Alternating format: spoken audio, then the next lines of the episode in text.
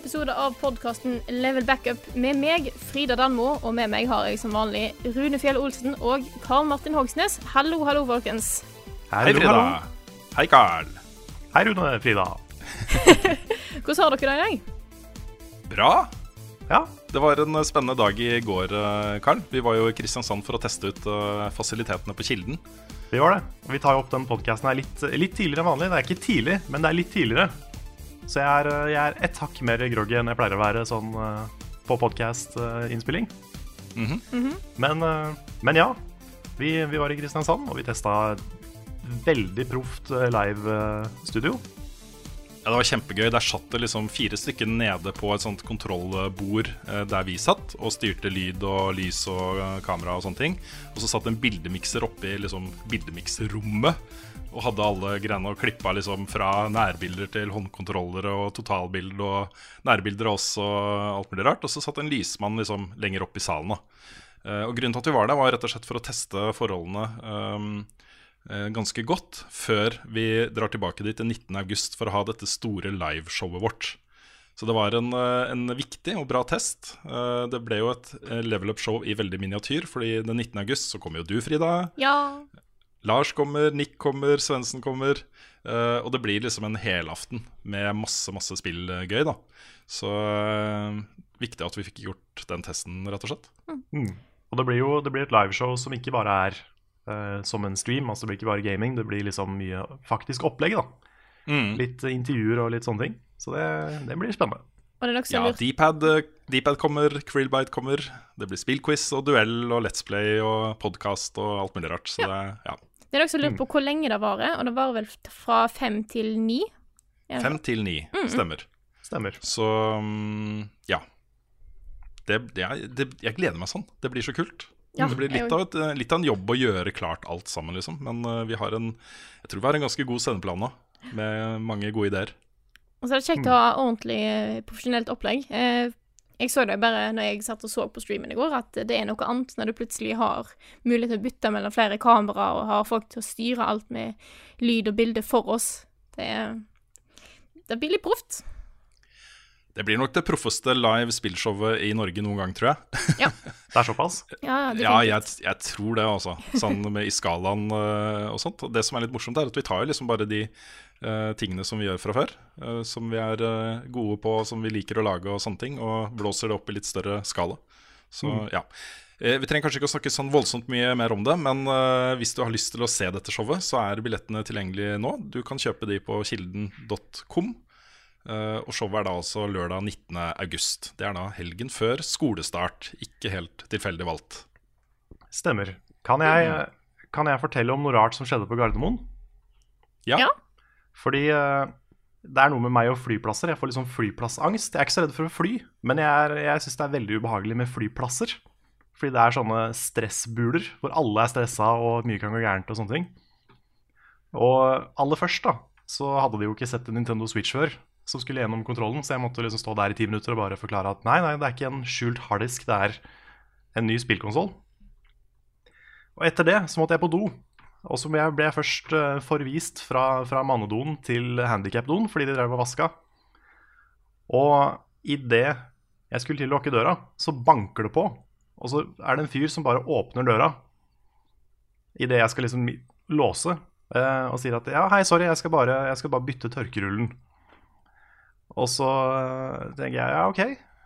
Det var jo tør tørkerull igjen, så jeg kunne fint gått på do liksom før han gjorde det. Men eh, han skulle, han skulle inn og fikse det. Så står han der og begynner å låse opp masse greier og skal bytte tørkerull. Og så kommer det enda en fyr med sånn svær tralle. jeg må bare poengtere at dette er jo Dette er ikke en sånn stor, stor toalett. Dette er et lite lukka rom. Ja, dette er et enmannstoalett. Mm. Uh, så jeg står der ved siden av doen og bare henda i lomma og bare ja, hei, hei. og kommer da person nummer to inn og bare sier han første Kan ikke du gå og hente litt mer dorull? Jo, jo, det kan jeg gjøre. Og så henter han mer dorull, og så bytter han dorull også. Og jeg står der i tro i hvert fall fire-fem minutter og bare Jeg vil egentlig bare bæsje. Og får da ikke lov, fordi det står to fremmede menn der inne og jobber. Og jeg var, jeg var liksom millimeter unna å låse den døra for å bare få lov å gå på do. Men det, det Jeg har aldri liksom opplevd å bli avbrutt av to mennesker mens jeg har prøvd å skulle gå på do. Jeg sto jo og venta på deg og lurte Ja. på hva i all verden du hadde spist, liksom. Mhm. Det var, eh, det var, du var lenge borte. Ja, nei, det var rett og slett bare to veldig sosiale Gardermoen-ansatte som uh, slo av en prat på dass. Ja, jeg sier det samme til deg nå som jeg sa i går. Du skulle bare ha gått på dass. og Ja, jeg skulle, jeg skulle bare der. satt meg på den doen, Ikke sant? egentlig. Og bare ja, jeg tar meg til rette. Ja, sorry, ass. Mm. Jeg vet ikke hvem dere er. Dere kommer Nei. aldri til å se meg igjen. Med mindre dere følger oss på YouTube. Jeg, hadde vært, jeg tror faktisk jeg hadde vært enda mer utilpass enn dem hvis jeg hadde gjort det. Mm. Men hadde Du jeg, ha hadde jeg ikke vært det, så hadde jeg gjort det. Ja, du skulle bare ha bæsja, og så stirra dem i øynene mens du gjorde det. Ja, sånn veldig alvorlig. Veldig alvorlig. Og så kanskje kommet med et lite smil. ja. Da, Herregud. det er det jeg skulle gjort. Nei, men det Nå var, må, du det var litt nå rart. må du redde oss, Frida. Du må redde oss, du må få denne podkasten her inn på rett spor igjen. Ja, Ja, vi kan jo snakke om hva vi har spilt i det siste. det kan vi gjøre. Ja. Hvem av dere har lyst til å begynne? Jeg kan jo begynne, for jeg har ikke spilt så fryktelig mye i uka som har gått. Eh, Det er masse andre ting å håndtere før man tar ferie og sånne ting. Jeg har jo spilt ett spill som dukker opp i Film i tull-spalten vår seinere i sommer, eh, Karl. Det har Eh, du. Det var et, eh, et veldig spennende bekjentskap. Så det blir jo avslørt neste uke eh, for dere lyttere og, og YouTube-seere hva det spillet er. Uh, Og så har jeg da spilt uh, Switch med deg i Kristiansand. så Stemmer. ja. Ja, vi spilte jo vi spilte tre forskjellige spill. Vi spilte Arms, vi spilte Want to Switch, og vi spilte Snipperclips. Mm -hmm. Da å se på Snipperclips var noe av det mer frustrerende jeg har sett på. Fordi at jeg hadde så veldig mange ting jeg hadde lyst til å fortelle dere om hvordan dere skulle gjøre ting. Ja, jeg Men så det det kom bare- litt capslock etter hvert i, Ja. i chatten. For det er veldig sånn Jeg har en sånn irritasjon bare sånn Jeg ser hva dere skal gjøre, men dere klarer ikke å se det i det hele tatt. Og da, da er en sånn ting som gjør meg veldig, veldig frustrert. Uh, og så kunne ikke jeg innså at uansett hvor høyt jeg sitter og sier dette her i min egen stove, så vil ikke dere høre det. Og så så dere ikke chatten heller, så det var litt sånn what to do. Men uh, det, dere fikk det til. Det gikk greit.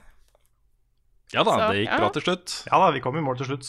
Mm. Det var jo litt sånn, Vi hadde jo hun, eh, var det Benedicte vet, som gjest. Ja, stemmer. Og jeg tror vi, vi var jo litt nesten litt slemme, fordi vi bare kasta hun ut. Hun var jo PC-gamer. eh, og vi kasta henne ut i sin første Nintendo Switch-opplevelse. Med litt forskjellige var- spill. Jeg, jeg tror Arms var liksom, det var et spill vi sleit med å skru av. Ja. eh, fordi når du først er online, så er det vanskelig å quitte. Og så Sånn bør det være. Hæ? Når du først er i en match med noen, så bør det være vanskelig å quitte. Ja, det, det gir jo mening. Um, Og så var det One to Switch, som jeg tror, eh, jeg tror vi weirda jo ganske kraftig ut med det.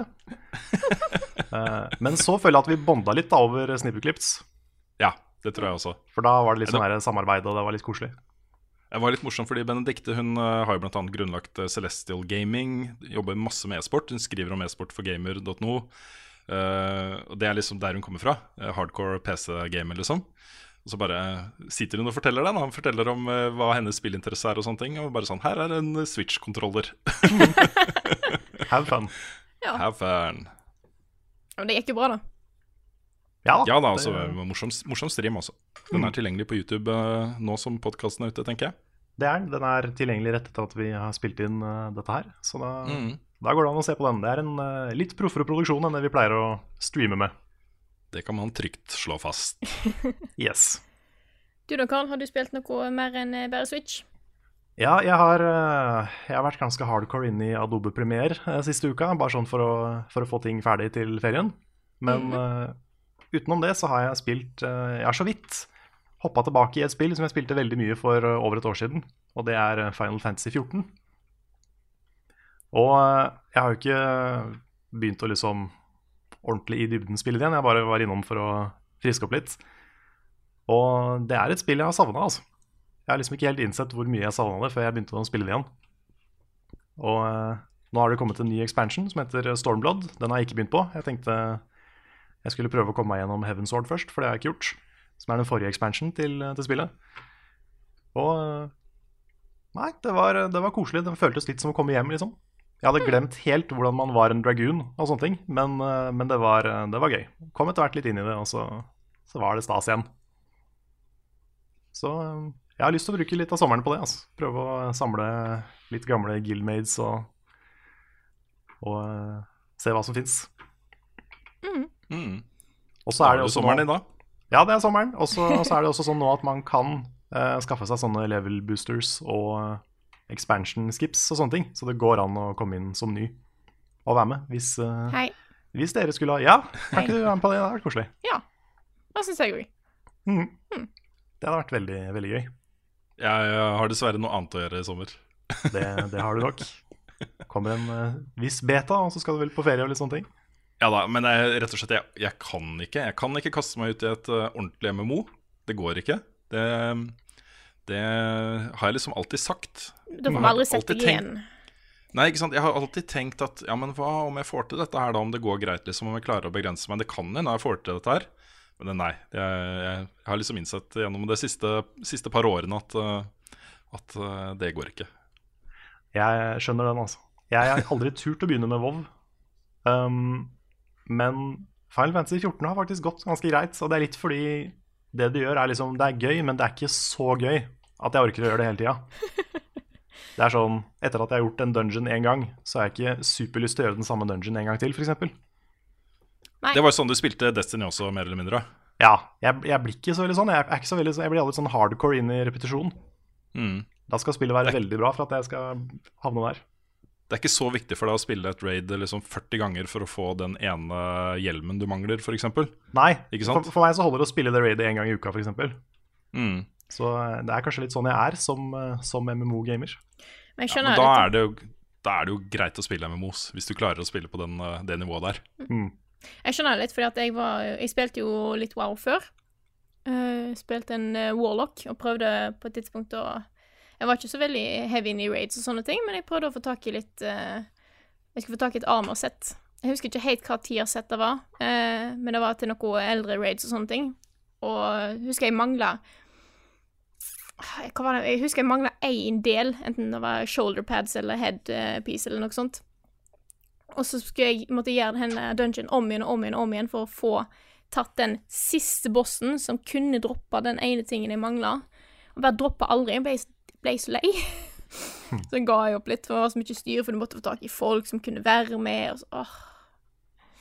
Det var jo ekstra ille sånn i starten av Destiny, så var jo eneste måten du kunne bli level 30 på, det var å, å spille Walt of Glass, raidet.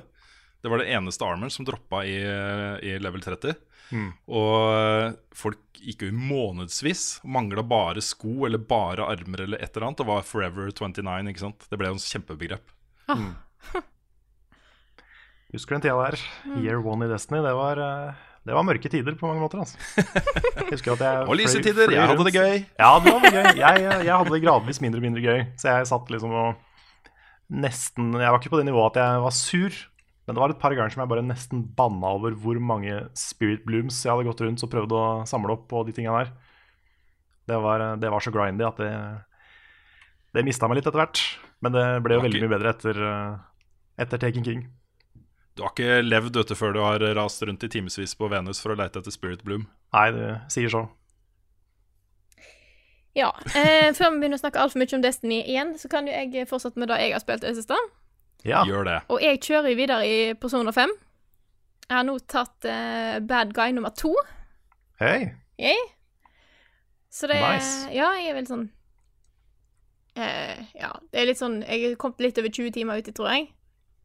Eh, den timecounten på PlayStation min er litt sånn feil, fordi at jeg har latt spillet stå på litt. Blant annet eh, så sto han vel på i sånn tre timer når jeg var hos deg en gang, Karl, når vi plutselig hadde lagt oss klokka halv fem, eller noe sånt. Ja, stemmer. Ja. Da sto Eh, Persona på pause. Så er det sånne ting, men jeg tror noen og 20 timer uti jeg. Og jeg bare kjører på, jeg. Dette er jo dritgøy. Så, eh, Ja, så bra. prøver å få inn litt sånn Når jeg ikke er på jobb, og når ikke foreldrene mine har lyst til å se på TV i lag eller eh, se en film eller et eller annet, så spiller jeg. Mm. Mm. Har du kommet fram til hvem du skal date? Nei, Nei. jeg har ikke bestemt meg for hvem jeg skal date. Hm. Det, kommer, det kommer jo flere options etter hvert. Det gjør det, ja. Så det er, eh, det er for så vidt litt tidlig å bestemme seg. Men spørsmålet er kan jeg date alle, eller må jeg velge én? Du kan, men da tror jeg det går litt gærent på Valentine's Day. Ah, shit, er det en ting, ja? OK. Det er en ting, Så da kan du få en litt sånn eh, reckoning. Ja, OK. Jeg tror jeg må ta en eh, prat med deg etterpå om litt sånn stuff, sånn at jeg ikke fucker opp noe greier. Mhm. Fordi, eh, ja, sånt, eh, Men da kan vi, trenger vi ikke ta nå, for da blir det eh, spoilers for folk som har lyst til å spille spillet. Så da tar vi, kan vi ta det litt sånn på bakrommet etterpå. Det kan vi gjøre. Yes. Nei, Jeg er veldig spent på hva du kommer til å, hva du syns om resten av spillet. altså. Ja. Og eh, det er jo noen veldig morsomme sånne stories. Du, kom jo, eh, du havna jo over igjen i går. Jeg fikk en melding fra deg på Snapchat Yep. om en viss eh, Jeg vet ikke, skal vi, skal vi si hva det er, eller skal vi la være? Det er jo veldig morsomt å oppleve. Det er jo det. Den, den er da, for at den blir kasta litt sånn plutselig på deg. Men mm. da kan folk som har lyst til å spille Det, det skjer noe morsomt noe eh, 20 et eller annet timer ute i spillet med en karakter. Det gjør det. Ja. Kan, jeg kan jo si såpass som at jeg trodde jeg hadde bestemt meg for hvem jeg skulle romanse, og så kom det her. Og da var jeg ikke like sikker lenger. Da ble det litt for, litt for weird for meg. Ja, Jeg skjønner den. Mm. Men jeg tror vi skal gå, ta, gå videre til neste spalte, folkens. Da har vi kommet til ukens anbefaling, eh, og i dag har jeg tenkt til å anbefale noe til eh, alle dere som hører på. Og til oss. Og til dere, selvfølgelig. Eller det mest til Ja. Rune, for Karl har allerede prøvd det. Mm. Ok. Ja, fordi når jeg var på besøk hos Karl under E3, så fant jeg ut at jeg skulle, vi skulle ta og lage noe mat. Og Kristine, kjæresten til Karl, er jo vegetarianer. Og jeg er veldig glad i alt som heter kjøtt. Men jeg hadde fått hørt om en måte du kunne lage taco med søt potet. Og dette skulle være eh, good shit, så tenkte jeg at jeg skulle prø vi skulle prøve dette her, da. Eh, og det er veldig enkelt. Du tar og skjærer søtpotet opp i små terninger. Eh, legger det på et sånt bare vanlig brett. Ha på litt olje, og så tar du tacokrydder over, og så bare blander dette godt sammen. Setter det i ovnen eh, på Fader, nå har jo jeg glemt å finne ut antall grader, men jeg tror det var 180 grader i ca. 20-25 minutter. Jeg skal ta og prøve å kjapt søke etter opp eh, imens. Og ha det istedenfor eh, kjøttdeig. Og da ble det kjempegodt. Det var dritgodt. Det var sånn snacksgodt. Det kunne jeg spist som godis, nesten. For jeg er liksom alltid litt skeptisk hvis folk sier at det er, ja, dette er et godt alternativ til kjøtt. Hvis Mm, det, Da må jeg spørre, da. Ja. Er det bedre med søtpotet i taco enn kjøtt?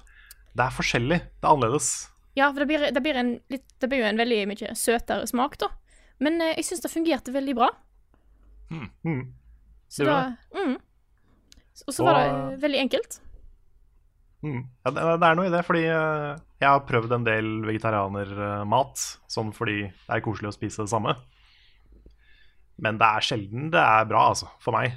Jeg kjenner at eh, dette hadde vært bedre med Altså, jeg har prøvd veggie-burgeren på Munchies, f.eks. Er ikke like bra som vanlig burger. Så jeg har liksom leita etter ting som er vegetarianer, og som jeg kan spise. Mm. Og dette her var uh, megasuksess, altså. Nå har jeg funnet oppskrifta. Det er 210 grader i ca. 25, cirka 25 minutter, eller til de er møre og gylne. Så har vi da det på det rene. Og det er uansett Jeg kan sitte her og være sånn der Ja, kjøtt er mye bedre. Men det er uansett eh, sånn i verden at eh, vi må spise mindre kjøtt. Eh, det, også kjøttproduksjonen er en massiv belastning på miljøet vårt. Og, eh, og alle hadde hatt godt av å kanskje kutte ett til to kjøttmåltider i uka og bytte det ut med fisk eller eh, vegetar eller et eller annet. da Så det er jo et bra, veldig bra tips, Frida. Jo Så- takk, jeg er egentlig ganske fornøyd. Så hvis alle spiser da taco med søtpoteter en dag i uka, uka istedenfor uh, uh, noe kjøttgreier, så blir verden et bedre sted, rett og slett. Gjør det, Og altså. så smaker det godt. Så smaker det godt i tillegg. Da det tid for ukens nyheter. Har du lyst til å sette i gang, Rune? Ja, jeg skal gjøre det, og vi må gjøre det på en, en litt ny måte denne uken. Carl, har du den låta, uh, teamlåta klar? Den uh, vi pleier å bruke? Nettopp. Ukens Sinfor-spørsmål. Endelig ble det bekreftet at man kan forhåndsbestille Super Nintendo Mini. Men igjen går Nintendo ut og sier at det ikke vil bli produsert nok enheter til distribusjon. Hva synes dere om at en slik melding kommer samme dag som meldingene om å forhåndsbestille hos diverse leverandører er ute? Og tror dere at det er så stor etterspørsel pga. Uh, noen prøver å få kjøpt mange eksemplarer til videresalg med blodpriser etter lansering? Hilsen meget skuffet. Og dette er da Trond Sinfor Borgersen. Um, jeg tenkte det var greit å starte med det spørsmålet, som jo har prega nyhetsuka uh, som vi har bak oss. Very much. Eh, ja, og saken er jo at Nintendo, som forventa, eh, lanserer en eh, Super NES Classic, altså en SNES Classic. En miniversjon av eh, SNES med 21 spill eh, installert. Eh, og den ser awesome ut! Utvalget der er jo helt eh, insane bra. Ja, det biblioteket er faktisk, eh, det er faktisk dritbra. Han kommer med to Mm, kontroller. igjen så det er Kommer med to kontrollere, så den blir jo litt dyrere. Den ligger på rundt 1500 kroner eh, rundt omkring, ser jeg. Um, jeg ser også at folk har fått forhåndskjøpt den for 999 kroner, og vi har fått spørsmål om uh, de da skal betale 999 for den, eller om uh, de må betale mellomlegget opp til 1500, liksom. Det gjelder jo faktisk uh, to av tre i podkast-redaksjonen at vi har kjøpt den for eh, 999. Jep. Ja, nettopp. Heldiggriser. Fordi jeg tror norsk kjøpslov Nå er jeg ikke helt sikker. Men hvis den er lagt ut eh, for salg til den prisen, så tror jeg dere har krav på å få den til den prisen. Jeg tror ikke de kan komme etterpå og så skru prisen opp. Vi har òg en eh, bekreftelsesmail der det står at du har fått den for 999, og du skal betale så og så mye når du går og henter den i butikken. Nettopp. Dette er loven som eh, Vi har loven på vår side. Så Ja. det, det er litt hyggelig. Du har jo- skikkelig avanse vet du, når dere skal selge den videre på, på eBay og Finn. Og Ja, sånn. ja. Jeg har kjøpt, jeg har kjøpt 40, så det Ja, men så bra. Nei da, jeg har kjøpt det. Men Jeg har da er forhåndsbestilt sånn- den to det er sånn steder til etter 1500. Sorry. Nei, det går bra. Jeg har forhåndsbestilt den to steder jeg til 1500. To forskjellige steder. Ja, jeg vurderte å eh, bestille den flere plasser, når jeg, eh, for vi bestilte den først eh, en plass, og så fikk vi vite at det var kommet ut på komplett og litt ting. Så vurderte jeg å bestille den der òg, for å være sikker, men jeg tenker at Mm. nei, nå har jeg vært tidlig nok ute. Dette går bra.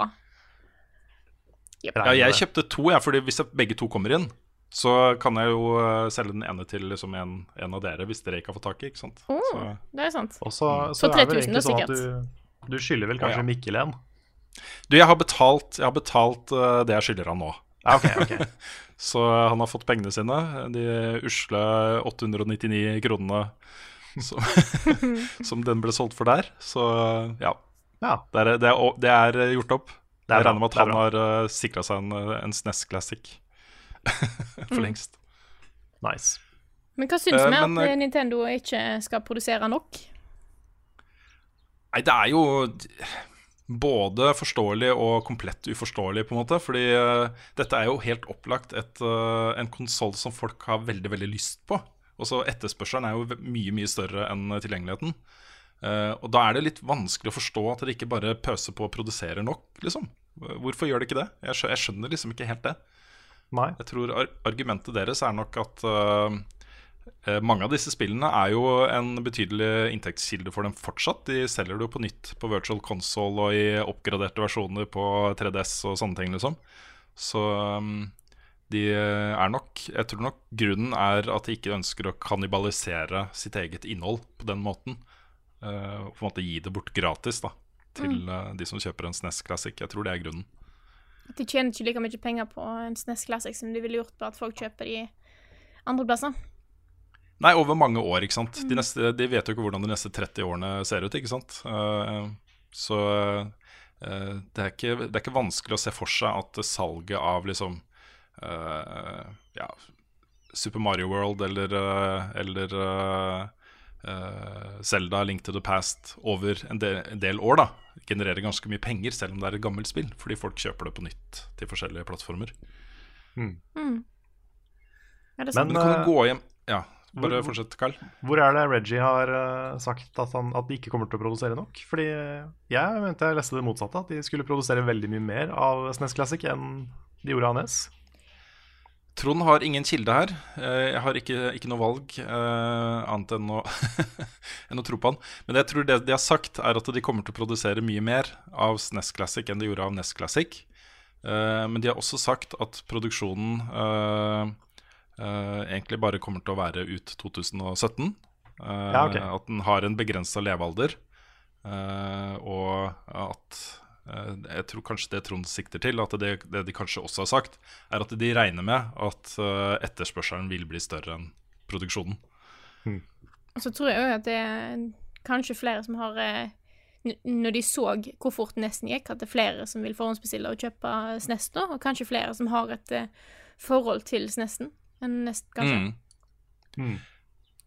Ja, jeg håper jo, jeg håper jo at eh, de eh, produserer uh, nesten så mange som eh, etterspørselen skulle tilsi. da Fordi det er jo et kjempeproblem at folk driver og hamstrer disse konsollene for å videreselge de til blodpris etterpå. ikke sant? Eh, og jeg ser at en god del butikker har tatt noen fine grep der. Blant annet så er det noen kjeder i USA som, i England som har satt opp depositumet du må ut med, fra 10 pund til 50 pund på denne her. Eh, For å liksom eh, hindre at folk kjøper utrolig mange for å videreselge de, f.eks. Mm. Så um, det er jo best om disse her går til folk som faktisk har lyst til å spille dem, ikke sant? og at ikke det koster 4000-5000 kroner uh, fordi det er ikke nok av dem. Ja, helt sant. Det er litt dårlig gjort. Det er vel ikke lov, i Norge i hvert fall, å kjøpe noe som videreselger for dyrere pris. Nei, det er forbudt. Også scalping er forbudt i Norge. Du kan, du kan risikere å få straff for det. Eh, ikke fengselsstraff, tror jeg, med mindre omfanget er dritsvært. Men, eh, men det gjøres jo hele tiden allikevel. Og det gjøres jo under bordet. ikke sant? Hvis man prøver å kjøpe et eller annet ettertrakta på Finn, som ligger ute til utsalgspris, på en måte. Så du skal banne på at i ni av ti tilfeller så kommer de og ber om mer, for de har fått et høyere bud. ikke sant? Ja, det er Så- sant. Eh, kan du gå kjapt gjennom lista da, eh, av spill, eh, hvis det er noen som hører på som ikke har fått med seg det? Eh, tar det alfabetisk, fordi det er den rekkefølgen det står i her. Eh, Contra 3, The Alien Wars, Donkey Kong Country, Earthbound, eh, Final Fantasy 3, som da er Final Fantasy 6 egentlig, Carl. Stemmer. Mm. F-Zero, Kirby Superstar, Kirby's Dream Course, uh, The Legend of Zelda A Link to the Past, Megaman X, uh, Secret of Mana, Star Fox, og så veldig veldig interessant Star Fox 2, som aldri tidligere har vært utgitt. Eh, Historien om det spillet er kjempespennende, egentlig, fordi det ble jo laga helt ferdig. Det var helt ferdig, eh, men det kom såpass seint i SNESens levealder at eh, på det tidspunktet så var PlayStation 1 ute eh, og sånne ting. Og det, Nintendo mente selv at eh, det så avleggs ut. At de ikke kunne gi ut dette i dette markedet fordi det allerede var liksom for gammelt. Så aldri utgitt før. Jeg så jo bilde på Reddit av at eh, de som hadde lagd spillet, nå var ute og lagd, hadde en eh, sånn launch-middag. Nice. Ja, det er kult.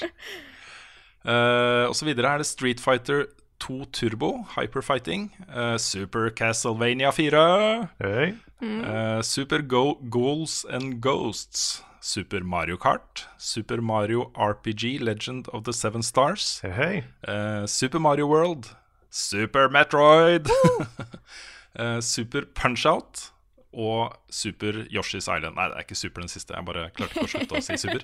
Yoshi's Island. Um, ja. Og så er det vel sånn at eh, det er tre versjoner av den. En japansk, en amerikansk og en europeisk. Og at de har noen eksklusive spill, eh, alle disse tre variantene. Så hvis du er supergira på den, så kan du også begynne å hamstre fra andre steder. Ja, det var litt rart at eh, den japanske versjonen ikke har Earthbound, eller Mother 2, da, som det heter i Japan. Mm. Så det, Den har ikke Earthbound. Nei, den har ikke det. Det er veldig rart. Oh, Da er jeg sært. Men, uh... Men det er jo, det er jo et dritbra det er, det er en dritbra samling av spill, men det er et par ting som, som mangler. ja. Det er jo eh, f.eks. Donkey Kong Country 2, som mange mener er det beste Donkey Kong-spillet. Og så har du selvfølgelig Krono Trigger. Mm. Det er kanskje den største for min del. Den burde vært der. Mm. Ellers, eh, ellers er dette her eh, så å si det beste Snes-biblioteket som jeg kunne bedt om. Jeg ville hatt eh, eh, Jeg ville hatt Harvest Moon òg. Så hadde jeg vært Ja, fornøyd. Mm. nice. Nei, det er, en, eh, det er en veldig fin liste. Eh, Jeg håper at det fortsatt er mulig å faktisk forhåndskjøpe den og få den. Eh, Men jeg tenker uansett hvis du hører på nå, tenker at dette er en konsoll jeg virkelig har lyst på. Dette er jo en moderne konsoll. Liksom. Du kan koble den til TV-en din, din moderne TV med HDMI-kabel eh, og spille disse spillene. Så bør du forhåndsbestille nå, egentlig. Det er Ja. Mm. Synd det er sånn, men Ja. Jeg er spent på om det kommer til å være like lett å legge inn custom-spill i den her. For Mm. de cracka jo nesten veldig tidlig. ja da. Så mm. det, det blir spennende å se. Det er en viss mulighet for at det går her også. Jeg vil uh, tro at det kommer til å skje, Mm. for å være helt ærlig. Folk er flinke. De er det. Kan jo også nevne kjapt at det kommer eh, retroversjoner av både Sega Genesis og Atari 2600 i høst. Uh, Begge to kommer faktisk både som stasjonære modeller, uh, og som håndholdte konsoller med ferdig installerte spill. Så det, Mm. det går mot en litt sånn retro-høst, dette her, altså. Det, det er jo noen positive ting med det. Jeg um, vil bare komme med en sånn liten advarsel. Uh, pass på hva du kjøper av sånne Sega Megadrive retrokonsoller, fordi det fins noen laga av uh, husker jeg ikke hva det heter, et eller annet sånn At Games eller AR Games eller et eller annet sånt, som er så crap. Det er det verste produktet jeg har kjøpt noen gang. Det var liksom helt ødelagt lyd. Halvparten av spillet funka ikke. Det var, det var skikkelig ræva. Så gjør litt research på hvilken modell du kjøper, for noen av de er eh, ikke bra. Godt råd. Yes. Er det flere nyhetssaker? Ja da, vi har eh, eh, Det var jo en stor sak tidligere i år at en av uh, Playdead-grunnleggerne, uh, Dino Patti, uh, slutta i selskapet, solgte seg ut. Solgte aksjene sine til Arnt Jensen, som var den andre grunnleggeren, uh, og forsvant. Nå er det jo kjent hva han skal gjøre, og han har starta et uh, helt nytt spillstudio. eh, sammen med filmanimatør Chris Olsen, som har eh, animert greier på både Skyfall og eh, The Avengers 2, eh, Heavenly Sword osv. Uh, og de skal nå lage et spill som heter Somerville, som har uh, fått eh, et par teaser-trailer ute. Både en sånn animasjons-tech-demo uh, som ligger ute, og en sånn teaser-trailer. Um, og Det ligner litt på Limbo og Inside, egentlig. Det er litt samme greie. Det er 2D sidescroller, dette her også. Med veldig gode animasjoner og stemningsfulle miljøer og sånne ting. Eh, og uh, han Olsen uh, Olsen har uh, beskrevet da som A sci-fi action adventure that chronicles the lives of key individuals in the wake of a global catastrophe. Det ser ganske spennende ut. Det, er bare mest, det mest interessante er bare å se hvor han endte opp. For han er jo en sentral stemme i indie-verden. Mm. Og så er jo disse raidene i Pokémon Go ute nå. Er det noen av dere som har testa de? Jeg har testa de. Ja? Jeg, det vil si, Kristine fikk nudga meg til å teste det, for jeg har faktisk fått en gym hos meg. Altså, jeg bor på en gym. Wow! Oi! Så da var det liksom Det ble litt for enkelt, så da tenkte jeg ok, nå må jeg prøve det. Så um, har jeg testa det litt, og det er jo faktisk et ganske kult system, i og med at du får sånne raid battles med jevne mellomrom. Og hvis du klarer å ta ned den Pokémonen som er ekstra sterk, så får du muligheten til å fange den. Og det, det betyr jo da at du kan få en del av de uh, maks-evolusjon-typene uten at du trenger å grinde 40 000 av de uh, og fange den samme Pokémon si uh, 30 ganger, da. Og det, det er jo et fint tilskudd til det spillet, for da slipper du liksom, da blir det ikke fullt så grindy. Så lenge du er heldig og finner riktig Pokémon. Så nå kan du på en måte finne en Venusaur, f.eks., som er en av de vanskeligste å få, å få i spillet. Eh, og sannsynligvis så kommer det da Legendaries etter hvert via raids. Nettopp. Og uh, dette er da snakk om eh, at det dukker opp en, en sjelden Pokémon et eller annet sted. Mm, på toppen av en på gym. kartet. Ikke sant? På toppen av en gym. Uh, folk rusher til for å, for å være med i raidet. Det er en counter som teller ned til hvor lenge det er til uh, han forsvinner. Eh, og så er det x antall personer, er det 15 eller 20 eller noe sånt, som kan være med samtidig? Eller Ja, er det det er, ikke, på det? det er jeg ikke sikker på, men det er i hvert fall eh, fullt mulig å ta ut de fleste av de hvis du bare er to-tre. Okay. Ok. Du må ikke være så mange for å, for å ta de. Ja, for da var jeg litt Kristine og redd klarer for. fint å Ja, ja for Ja. Kristine og jeg klarer fint å bare ta, ta en sjøl. Mm. Ok. Um, men um, det er et nytt system for uh, gym battles også. Nå har du en uh, litt annen oppbygning på det. Hvordan du får sånne coins som du kan bruke for å kjøpe in game items. sånne ting. Um, det viser seg jo at den gymmen hos meg er ekstremt uh, populær. Så det er jo liksom et fullt team med seks Pokémon i forskjellige farger på den gymmen hver dag. Så det skjer jo så mye der, så jeg får ikke brukt den til noe. Jeg får liksom ikke holdt den, for det klarer jeg ikke. Og så er det en sånn fuckings Blizzy, som er det verste du kan slåss mot i Pokémon GO. De, de har så mye liv at du liksom tida går ut før du rekker å ta den ned. Så den bare står der, og den får jeg ikke gjort noe med. så folk har blitt litt OP i Pokémon GO mens jeg ikke har spilt, kjenner jeg. Mm. Men uh, det er noe her, altså. Ja, altså Disse raidene ble jo først lagt ut Da var minimum requirement var eh, at du måtte være level 35. Og så har de justert det ned til 24 eller 25 eller noe sånt. Er det justert enda lenger ned nå, eller? De snakka om det? At det kanskje okay, ja, det, det vet jeg ikke, for nå jeg er level 26, og jeg har tilgang. Men eh, Ok. utenom det vet jeg ikke. Nei, jeg kan da ikke raide, for jeg er level 15 fortsatt. Nei, da er du, da er du nok litt for, eh, litt for lav, altså. Jeg er sannsynligvis ikke sterk nok. Jeg tror jeg ga meg i august, så Nettopp. Ja. Ja, det var litt samme her. Men eh, jeg ser at det er litt buzz rundt dette her nå. At det er en god del mennesker som har plukka opp Pokémon Go igjen, for første gang på sikkert kjempelenge. Så eh, det, jeg syns det er litt interessant å se om det kan bli litt sånn folk som løper etter eh, sjeldne Pokémons Pokémon, unnskyld. Ja. Uh, i, ja. Uh, I sommer også. At det Mm. blir litt sånn repeat av fjorårets uh, Pokémon-feber. Jeg er, jeg er veldig spent. Jeg tror, hvis de nå lanserer en ny generasjon, eh, og eller trading, da kommer det til å bli stort igjen. mm, Mm. Nå er det høysesong for Pokémon GO, så det er nå de burde gjøre det. Ja. Hvis ikke, så, så er jeg mer eh, lunken og litt mer spent på å se hva, det, hva som faktisk skjer. For jeg vet, ikke Det om det, jeg vet fortsatt ikke om det her er nok, på en måte, til å liksom gi Nei. det nytt liv på den måten.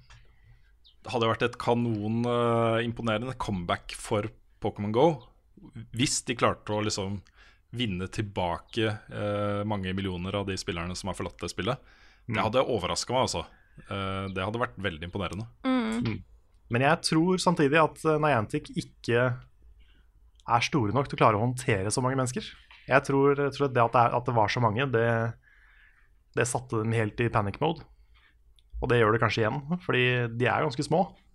Og mye tyder på at de ikke 100 vet hva de gjør med den uh, Pokémon-bølgen. At den, de, var ikke, de var ikke forberedt i det hele tatt på hvor svær den faktisk var. Så eh, jeg vet ikke, kanskje de faktisk er mer komfortable med færre spillere. Mm. De er sikkert komfortable med store hus og flotte biler også. Så Ja, men det tror jeg de har allerede. Så. Nei, jeg vet ikke, altså. Men det virker som de på en måte Strategien deres har vært å appellere mer til færre, ja. på en Mm, måte, enn å prøve å fange mengden igjen. da. nettopp. Greit. Men jeg har eh, en eh, nyhetssak til, men den tenkte jeg faktisk å spare til eh, neste spalte. Da skal vi snakke litt om ukens tema. Hva er det vi skal diskutere i dag, Rune? Nei, også eh, Et av de spillene som vi har snakka mest om etter etere Det blir litt etere-tema denne gangen også, men i et litt sånn større perspektiv. da Eh, Det er jo Beyond Good and Evil 2, som plutselig dukka opp med en vanvittig imponerende eh, CGI-trailer. Eh, og vi var jo relativt ekstatiske, opptil flere av oss, eh, da den ble vist fram på E3, på pressekonferansen til Ubisoft. Eh, og så brukte jeg liksom ganske mye tid i uka, podkasten uka etter på å si liksom OK, jeg har roa meg ned litt ned, det var jo bare en CGI-demo, kanskje dette aldri kommer ut. Jeg er ikke altså, det var en imponerende uh, liten kortfilm, liksom, men vi vet jo ikke om det er noe mer enn det. Uh, men så har da også eh, Ubisoft De har jo vist fram en tech-demo av dette spillet på eh, E3. Og i uka som gikk, så slapp de eh, en 15-16 minutter lang video hvor Michel Ancel sitter og demonstrerer spillet. Så det er den samme tech-demoen som de hadde på E3, så jeg har sett den. eh, og fått et litt bedre inntrykk av spillet. Så jeg kan jo ta det spørsmålet som har kommet inn om det, fra Eskil Lundgård. Og det er om vi har sett den teaseren og gjort oss opp noen formeninger om hva dette blir. Og til meg da, Du spådde at spillet aldri kom til å bli utgitt. Hva tror du nå? For meg ser det helt utrolig ambisiøst ut, men sist jeg gikk i den hypefella, var med fjorårets store antiklimaks, No Man's Sky. Jeg lar pennen min ligge enn så lenge. En liten henvisning til penneleken vår, det der. Eh, og det er liksom Ok, når jeg så den teaser-traileren, eh, så ble jeg også litt mer uh, imponert enn jeg hadde fått meg selv til å bli, da, etter å ha roa meg litt. Eh, men hvis man studerer den litt mer nøye, så er det ikke så vanskelig å lage den tech-demoen heller, på en måte. Det er ikke et spill der ennå. Uh, det ser imponerende ut, men de mest imponerende tingene, uh, som går på det at ok, du kan ta det romskipet ditt, og så kan du lande hvor som helst, og så kan du uh, gå inn og ha kule gameplay-opplevelser og sånt. Vi fikk jo ikke se noe av det. Du var bare i lufta, med dette romskipet og fløy rundt omkring og opp i verdensrom og, eh, og sånne ting. Så eh, det er 99,999% av spillet gjenstår, på en måte.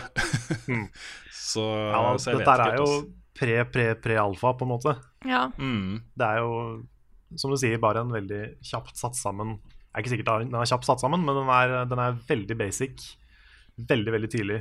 Det er jo egentlig ingenting her ennå. Det er Det bare et ser konsept. fint ut, og da er liksom Ja. da Et konsept som har blitt vist fram. Mm. Ja, eh, det er jo hyggelig å se at det er noe spillbart, liksom. Altså, her er det noe spillbart, men øh, øh, Men når på en måte min første sånn bølge av øh, imponerte følelser og sånt la seg eh, i løpet av de 16 minuttene, så, så ble jeg litt avmålt igjen, altså. Jeg må innrømme det. Det er, øh, jeg vil så gjerne at dette spillet skal bli noe av, og at det skal bli så bra som Michelle Ancel sier. Men det er jo Eskil har jo et godt poeng her, liksom. Eh, når han snakker om antiklimaks med No Man's Sky.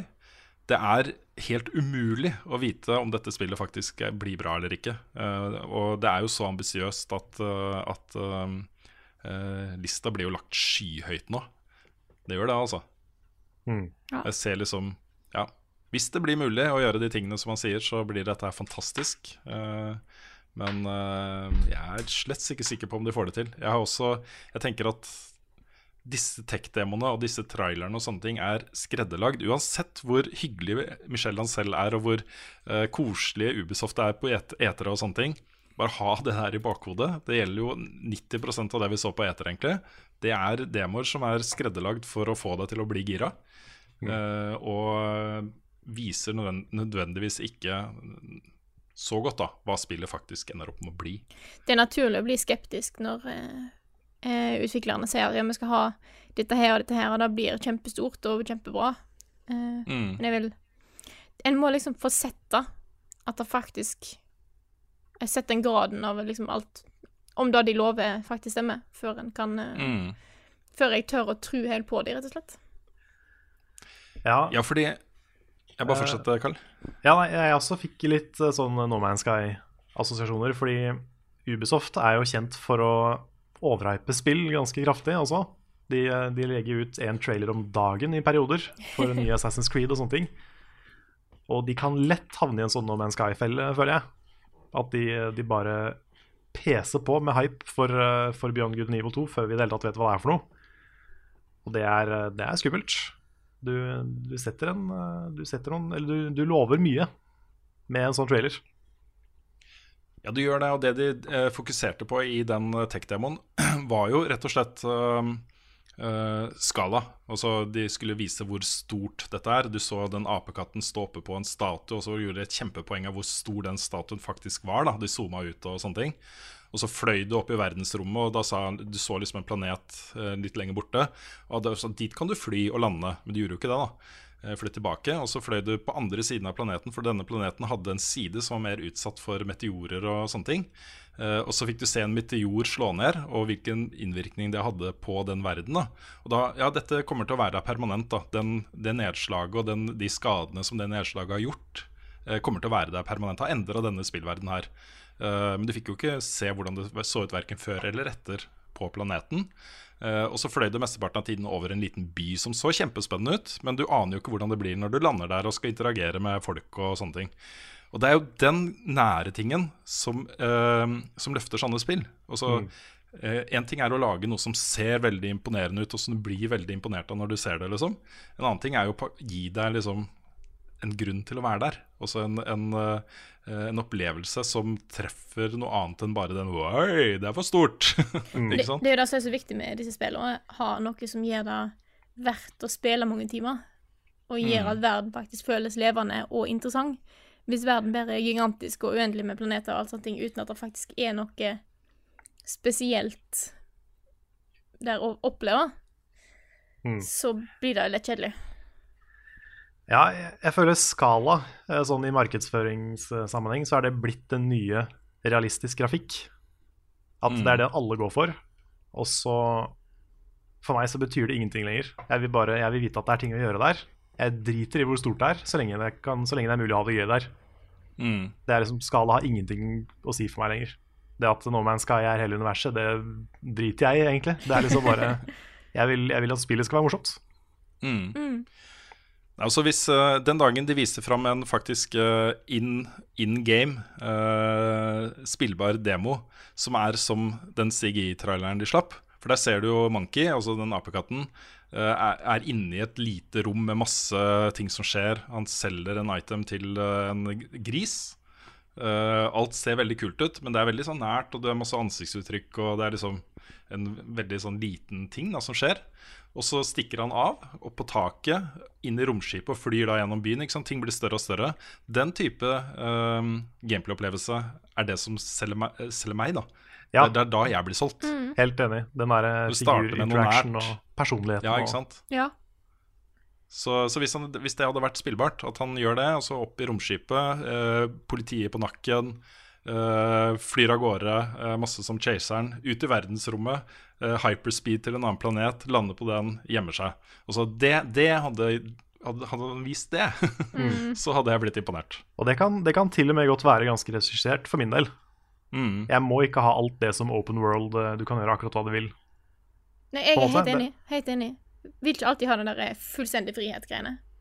Nei, jeg vil liksom, jeg vil oppleve litt kule ting, som er, kan godt hende, trenger ikke å liksom komme ut fra ingenting. Det kan gjerne være litt designa, være litt sånn, dette er en visjon som noen har laget for at jeg skal oppleve det, fordi det er kult. Mm. Det, er, det er helt greit. Yes, men budskapet, da, eh, for å eh, se, se det litt større bildet, eh, som ukens tema. Vær skeptisk, folkens, til hva som publisherne viser fram til deg. Det er ikke sikkert det blir så bra som de sier det skal bli.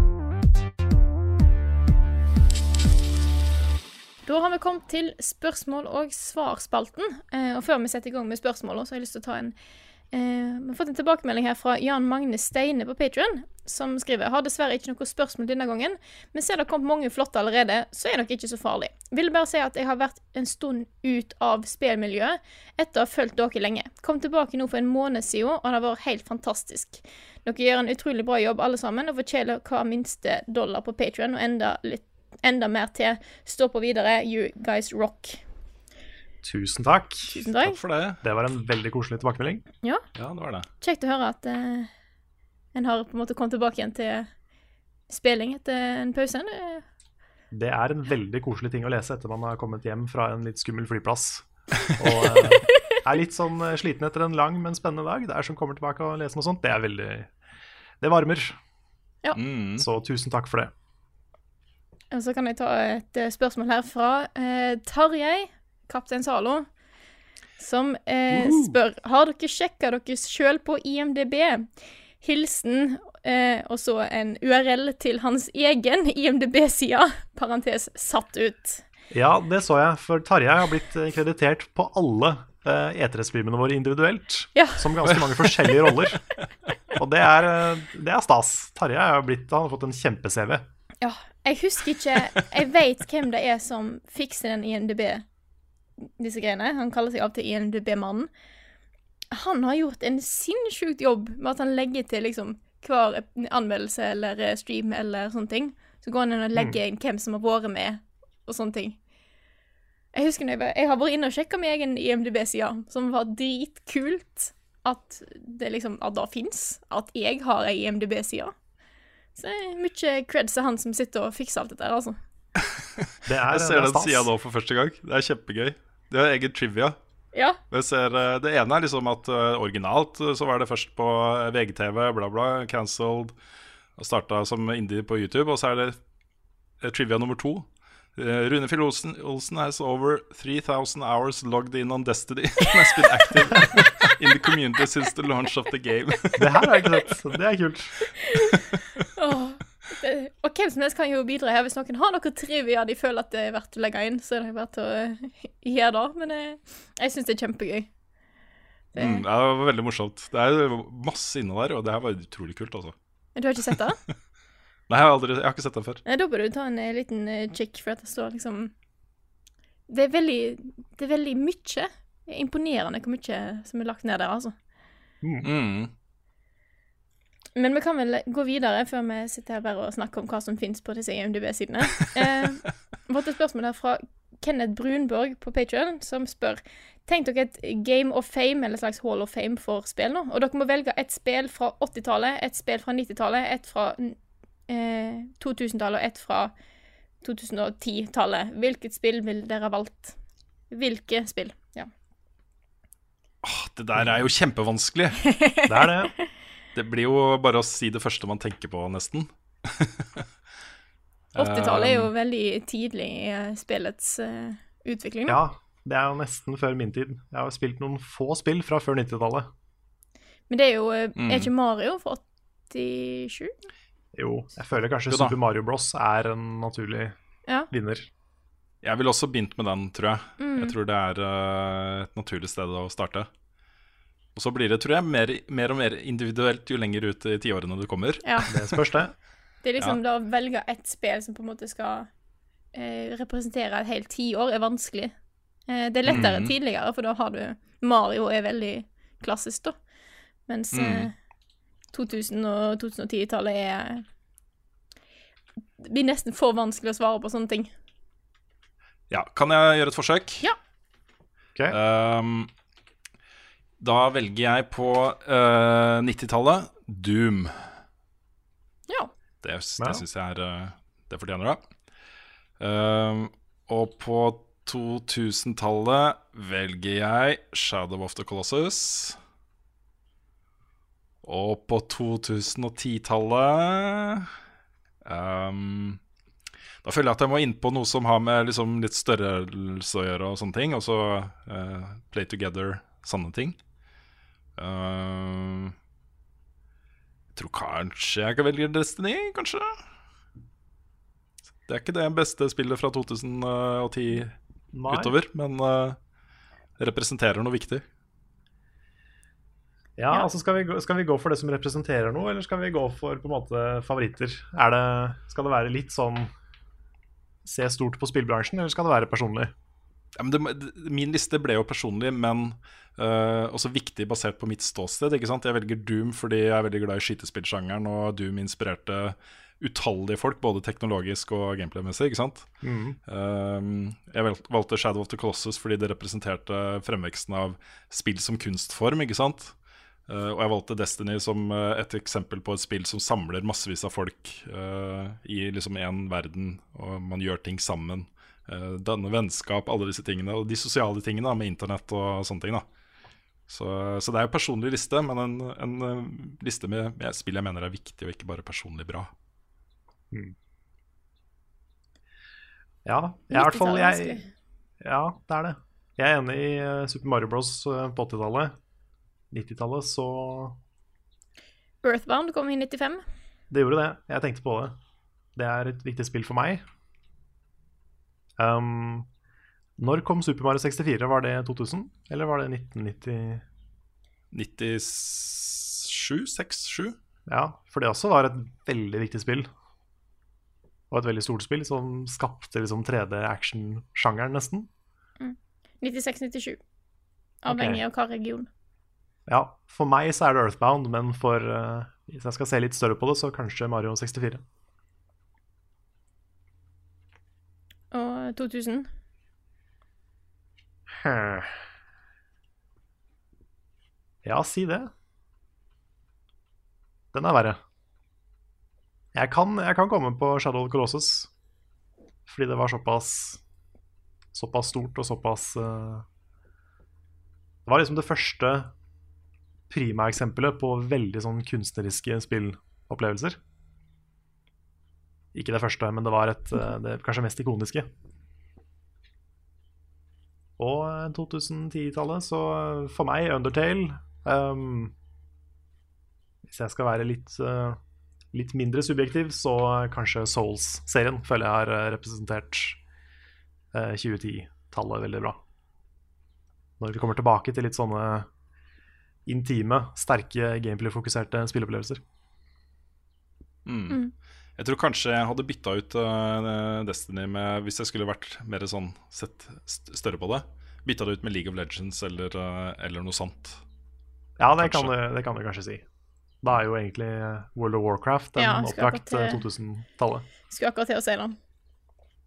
Nei, jeg er enig på Jeg har vanskelig for altså 90-tallet, fordi at da var jeg sånn veldig, veldig liten. Så det er liksom ikke alt det jeg har eh, et forhold til. Men eh, Så den, den er litt sånn Den er ikke så enkel, på en måte. Eh, så kommer jeg ikke på noe viktig der, men jeg er enig med at Shadow eh, of the Colossus på 2000-tallet er et eh, viktig spill, men jeg har en sånn personlig eh,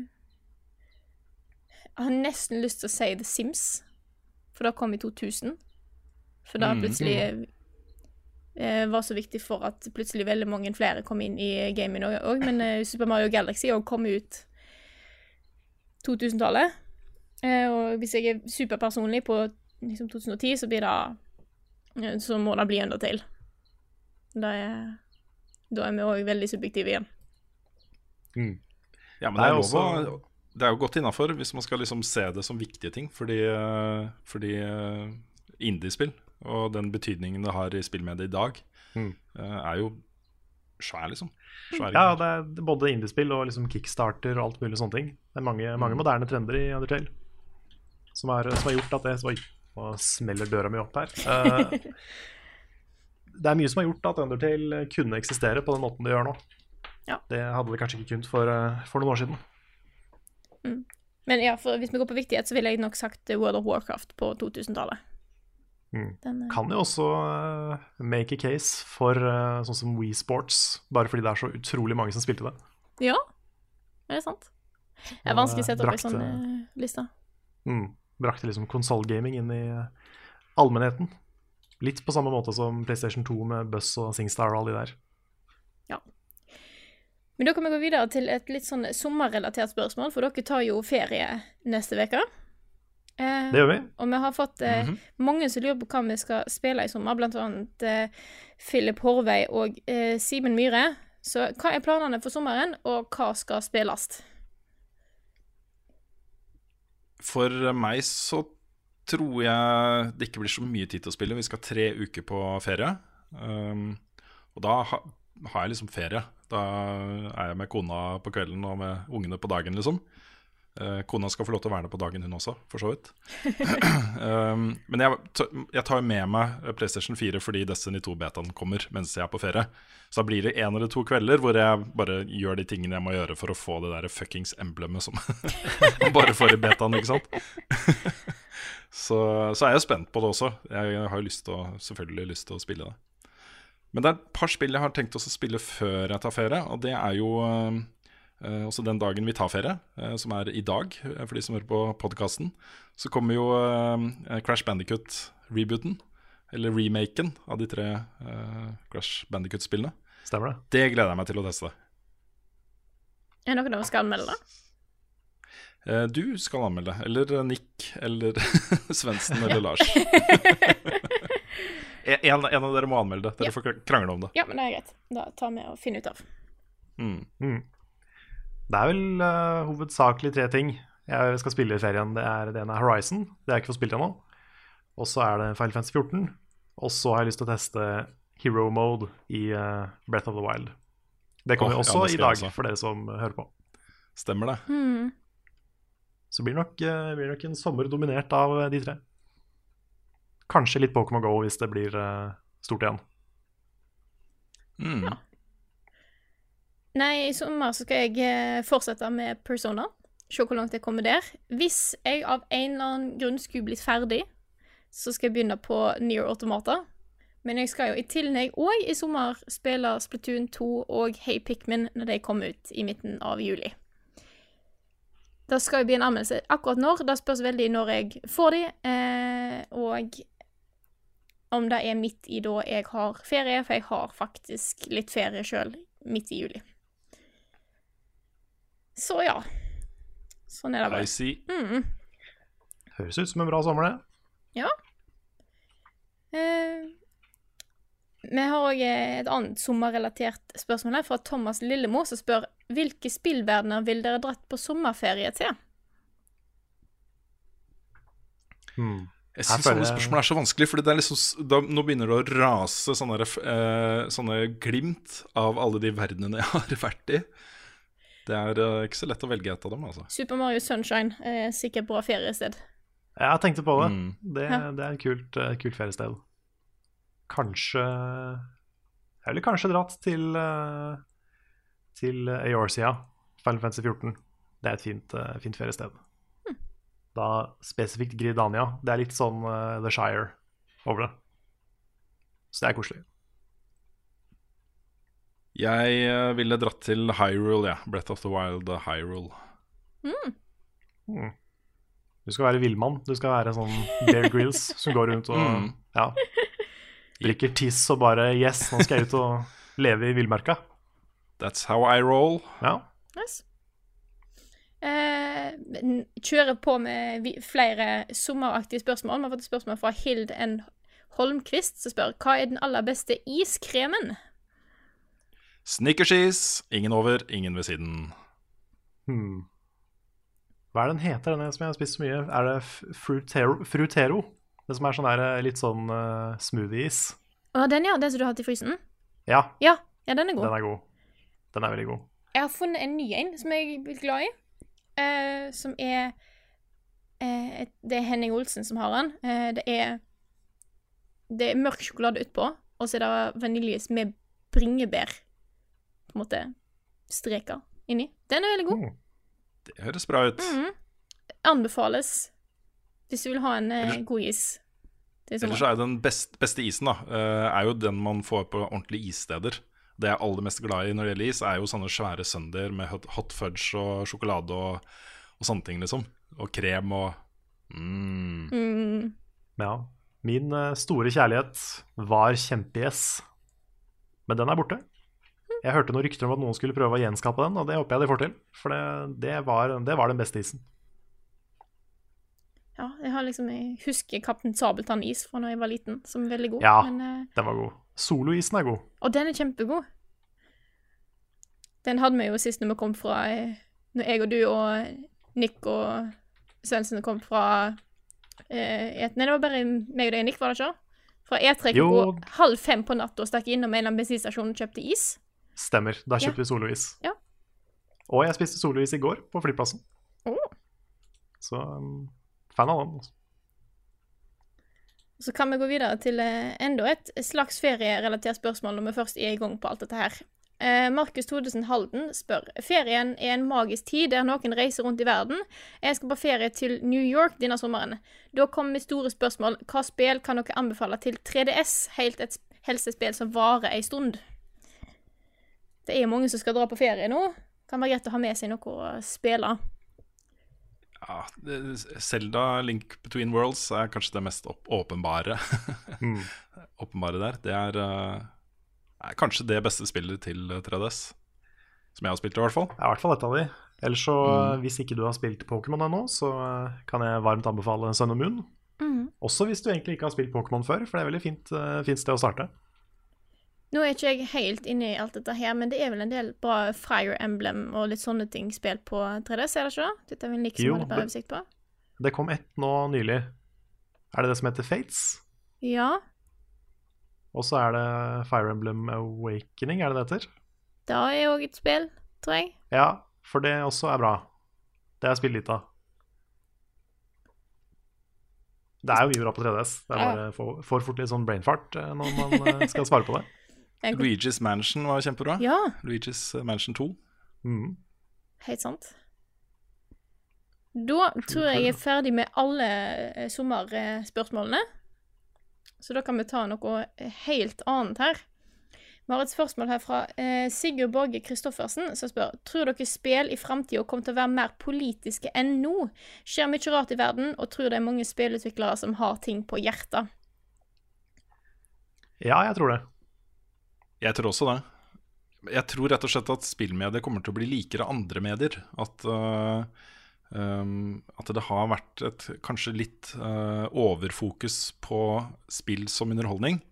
Men at flere og flere begynner å se på spillmediet som noe mer enn det. Og som ser det som liksom Ok, de har lyst til å fortelle historier som betyr mer enn uh, mer enn bare Ok, her skal vi ha det fett, liksom. Og den utvik utviklingen har vi jo sett over mange år. Men jeg tror ikke at det vil bli uh, bare det. Altså Jeg tror ikke det kommer til å dominere spillmediet. Jeg tror det blir akkurat som andre medier. Du har noen som er uh, popkorn-greier, liksom, som er kjempeunderholdende og laga for å ha det gøy og kult og gode historier og sånne ting. Og så har du spill som, har, som prøver å være noe mer, og som prøver å fortelle liksom, viktigere historier og ha mer interessante temaer og, og sånt. da Mm. um, Jeg så, jeg så en veldig kul video om uh, Assassin's Creed-filmen. Hvorfor, den, eh, hvorfor det gikk så dårlig med den.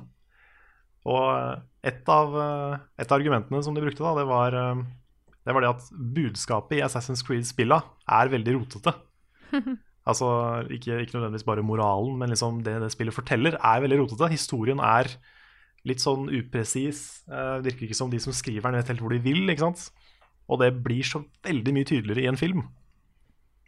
Og eh, kanskje i framtida så, så er det ikke sånn. Da blir det vel så tydelig i et spill.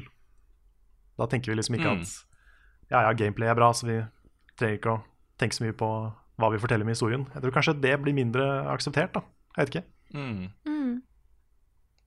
Ja, det kan hende. Etter hvert som folk blir eldre også, så kanskje de eh, krever mer av spillene sine. Ja. At det er noe der. Det er jo Men det må veldig ikke nødvendigvis være politiske ting, liksom, eller sånn samfunnsviktige ting. Det kan jo være nærere og mer personlige ting. Mm. Som man ser i spill som The Last of Us og Ja, og så er jo politisk er jo et veldig eh, vidt begrep. Du kan jo, kan jo si at alt er politisk.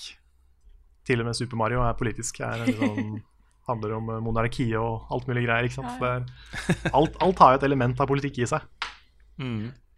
Nei, det er, det er litt interessant, for dette er et medie som er veldig i sånn modningsfase akkurat nå. Eh, hvis en ser paralleller til annet utviklingen av film, da. I starten så var det veldig mye eh, slapstick-humor og litt mer sånn ren underholdning, og det var en del mange filmer som hadde bare mange sangnummer, eksempel 'Sing in the Rain' og sånne ting. Men dette er jo et medie som har utvikla seg til å handle mer om formidling og sånne ting. Men du har jo òg rene underholdningsfilmer som bare er ren action eller komedie og sånne ting. Eh, Så det blir spennende å se hvor eh, spillmediet vil ende opp om noen år. Det var Folk har liksom Eh, Sorry, fortsett, Karl. Uh, nei, jeg skulle bare si det var, det var visst en periode, hvis man skal tro på ryktene, der Final Fantasy 15 skulle være en musikal. Og det hadde, det hadde vært gøy å se. Altså en musikal om fire bros ute i villmarka, det hadde vært kjempegøy.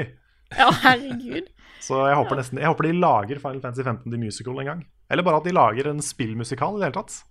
Mm. Det var liksom elementer av det i Epic Mickey 2, det var ikke så veldig bra. Men uh, å sette en liksom skikkelig high budget spillmusikal, det hadde vært fett. Mm. Mm. Det hadde vært stilig. Men da kan vi ta eh, et spørsmål her som er til meg, fra James, eh, James Remo James Remo Walker, eller James Remo Walker. Eh, vi vet at Frida har problemer med å spille noen spill siden hun blir kvalm. Er det noen spill du har hatt lyst til å spille, men ikke klarer siden du blir kvalm? Eh, The Witness. Der er jeg en time uti. Og jeg det er liksom det er ikke så gøy å sette seg ned bare sånn Ja, OK, nå skal jeg spille litt sånn at jeg blir kvalm om å ligge på sofaen resten av kvelden. Det er liksom ikke sånn sterk motivasjon eh, der. Eh, det er litt med Shadow of the Colossus òg, faktisk. Men det er noe med The Witness som eh, Det, det spillet har gjort folk kvalme. Det har hatt et rykte på seg for å være litt sånn uh, vondt i huet kvalmespill. Jeg vet ikke om det er fargene eller bevegelsen eller hva det er. Nei. Det er sikkert en god eh, kombinasjon, da. Ja, for jeg husker at jeg også Jeg fikk vondt i huet, men jeg tror det var bare fordi jeg var så sykt konsentrert når jeg prøvde å løse de der oppgavene. Til slutt så ble jeg bare sliten. Men uh... Ja, Det er ikke oppgavene som er problemet, det er det å komme seg fra plass til plass. Da blir jeg dårlig. Eh, det er noe rart med det, den der field of view-greia der, altså. Ja, jeg tror det er den. Det er noe særgreier. Jeg har prøvd å stille litt på det og prøvd å finne ut liksom en eller annen sweet spot, men den finner jeg ikke. Ellers er det jo Jeg har hatt lyst til å prøve Half-Life, for å bare få se all den hypen der, men da vet jeg at det går ikke, fordi at uh, Valve sine engines er, er noe dritt for meg. Eh, alt på Nintendo 64 som ikke har kommet på en annen konsoll, vil si 3DS. Jeg har spilt Majora Nei, ikke Jeg har spilt Ocarina of Time fordi den kom på 3DS. Jeg har ikke spilt Majora's Mask fordi at jeg klarer ikke kombinasjonen av kameravinkel og dårlig framerate og dårlig Jeg skal ikke klage på grafikken her, men litt av den dårlige grafikken gjør at jeg blir kvalm. Så det er en del av disse store som jeg ikke har fått til. Går ikke. Mm. Hva med Portal og sånn? Er det vanskelig? Eh, Portal 2 tok meg ei uke å komme gjennom, faktisk. Fordi jeg måtte eh, liksom space det utover flere dager. Men jeg har kommet meg gjennom, da. Det har jeg. Ja. Det er bare, det, men det er litt Det, tar litt tid. Mm. Så det er litt synd, egentlig. Ja, det er synd. Det skulle vært en sånn der eh, Skulle vært en løsning. Skulle vært noen sånne special goggles du kunne ha på deg, eller noe. Ja, det har hjulpet litt med de brillene jeg har på meg nå, disse Gunners databrillene. Eh, men ikke i like stor grad. Jeg har vurdert å prøve litt jeg, har, jeg prøvde mye rart. Jeg prøvde en gang å liksom holde for ene øyet mens jeg gamer, for det skulle hjelpe. Jeg har tatt sånn reisesjuketabletter, for det skulle hjelpe, men det er liksom ingen sånn kur. Det er kult å se deg liksom spille med øyelapp og alt mulig. Ja, men jeg gjorde det. Jeg tok et eller annet bandt liksom rundt, og det så ikke ut, men eh, jeg prøvde. Det funka ikke. Så hvis noen andre har noen mer rare tips som jeg kan prøve, så er det bare til å sette, sette i gang, og så skal jeg eh, Det hadde vært morsomt midt i et raid, så bare setter vi på webkamera, og så plutselig så er det liksom Pirat-Frida som sitter der. bare ja, ja. Nei, men eh, vi kan gå videre til eh, et spørsmål her som har kommet til Rune fra Sondre Kjøntveit. Som skriver Jeg har hørt et rykte om at Devil May Cry 5 skal bli laga. Hvis ryktene er sanne, hva tenker du om da, og det faktum at Devil May Cry-storyen ikke har hatt en skikkelig slutt ennå? Plager det deg, eller er det bare meg? Jeg har ikke hørt det, eller det si det ryktet har gått eh, lenge. Det forrige Devil May Cry-spillet som kom ut, var jo i 2013, tror jeg. Eh, og det ble jo ikke utvikla av Capcom, det var, var laga av eh, Ninja Theory. Um, og det var en reboot, full reboot, uh, med bare masse nods til uh, Devil May Cry-fansen. Uh, og det skilte seg jo veldig ut fra de andre Devil May Cry-spillene. Det plager meg ikke at storyen ikke har fått en slutt. Så investert er jeg ikke i den historien. Men jeg mener jo samtidig at det er rom for flere spill i denne serien. For det er eh, også tonen uh, kombinert med uh, litt sånn overdreven gameplay, action-gameplay, er veldig kul. Den, den har noe for seg. Den har et eller annet ved seg som, som gjør at jeg gjerne spiller et nytt spill hvis det er bra. Men da blir det store spørsmålet om det skal settes ut da, til Ninja Theory f.eks. De er- lanserer et spill den 8. august som heter Hellblade. Um, og etter det så er det jo ingen som vet hva de gjør. Det kan hende at de kanskje hopper på Devil May Cry igjen. Uh, og så er det også masse folk som snakker om at uh, japansk spillindustri er på vei tilbake til konsollproduksjon og sånne ting. Kanskje Capcom uh, tar tilbake serien og gjør noe. Altså, det er jo en åpenbar ting de kan gjøre. Um, Den nye Dante ble vel ikke sånn supergodt tatt imot, gjorde han det? Nei, men eh, hvis man spilte da, og ikke var liksom altfor glad i Dante og Capcom og eh, originale Devil, May Cry og sånne ting, så var det jo en fantastisk scene i starten der. For eh, han nye Dante var jo uh, mørkhåra og litt sånn eh, edgy. Eh, litt sånn vestlig, vestlig Dante, da. Ja, han var litt Eh. sånn boyband-kjekk, på en måte. Ikke sant? Men det er en scene i starten der hvor det eh, kommer en parykk flagrende fra noe annet som tilfeldigvis setter seg på hodet hans. da I en sånn veldig kul sekvens, som er da håret til gamle Dante. ikke sant? Uh, og så sier han noe et eller annet sånn eplekjekt om det, og kaster av seg parykken. Liksom. Så det var en del sanne type nods som jeg likte veldig godt. Uh, men det de hadde tatt med seg videre, var jo basically gameplay-biten. At uh, også kombinasjonen å bruke to våpen med sverd og veldig sånn akrobatisk slåssing og sånne ting. Det syns jeg var eh, nok. Jeg ønska meg ikke mer av det. Jeg likte det spillet veldig godt, faktisk. Hmm. Så jeg vet ikke. Nei. E3 2020, kanskje vi sitter der og får se traileren. Ja, kanskje det. Ja, ja, kanskje da. Skal vi se. Vi har et spørsmål som er litt eh, dagsaktuelt, med tanke på at vi får en eh, remake av Crash Bandicut eh, for oss i morgen, for dere som hører på i dag. Eh, Robin Røer Olsen skriver Hva syns dere om remake av gamle spill? Jeg er sjøl litt blanda på dette. Har plukka opp noen perler, men tenkte at dette er for å melke mest mulig penger ut av titlene. Hva mener dere, og hva spill mener dere det er verdt å bruke penger på igjen? Jeg er ikke noe motstander av remakes. Altså det å på en måte um, tilfredsstille nostalgien til folk. Jeg, jeg syns det har noe for seg, og det er, ikke noe, det er ikke noe galt i det. Man ser jo også remakes av film som ofte blir bedre enn originalen, eh, til og med. Um, det er eh, Det er litt sånn vi mennesker fungerer. Altså Det savnet etter store opplevelser man har hatt før, er sterkt i mange, liksom. Og det å kunne da spille det spillet på nytt med moderne grafikk, det er noe. Og så er det kanskje fiksa litt ofte på eh, kontrollsystem, sant. At en hadde et spill som hadde veldig stor, eh, veldig stor potensial, men kanskje hadde et par mangler med at kontrollsystemet var litt kronglete og sånne ting. Du har en mulighet til å få rett opp i det, sånn at flere kan få en god opplevelse med det spillet, da. Mm. Mm. Jeg, er veldig, jeg er veldig fan av remakes hvis de gjør spill mer tilgjengelig for folk. Men da eksempel hvis det kommer en samlepakke med alle spillene i en serie til én konsoll, som kanskje har vært spredd utover mange konsoller. Um, Ref Kingdom Hearts, eller? for eksempel. uh, den type ting, da. Og det at du kan, du kan få, eh, tror jeg, alle Final Fantasy-spillene på hvert fall PlayStation 3, ikke PlayStation 4 ennå. Men at du liksom kan samle en serie da, på én konsoll og gjøre den tilgjengelig der. Uh, der noen kanskje er pussa opp litt. Det syns jeg er uh, positivt. Mm.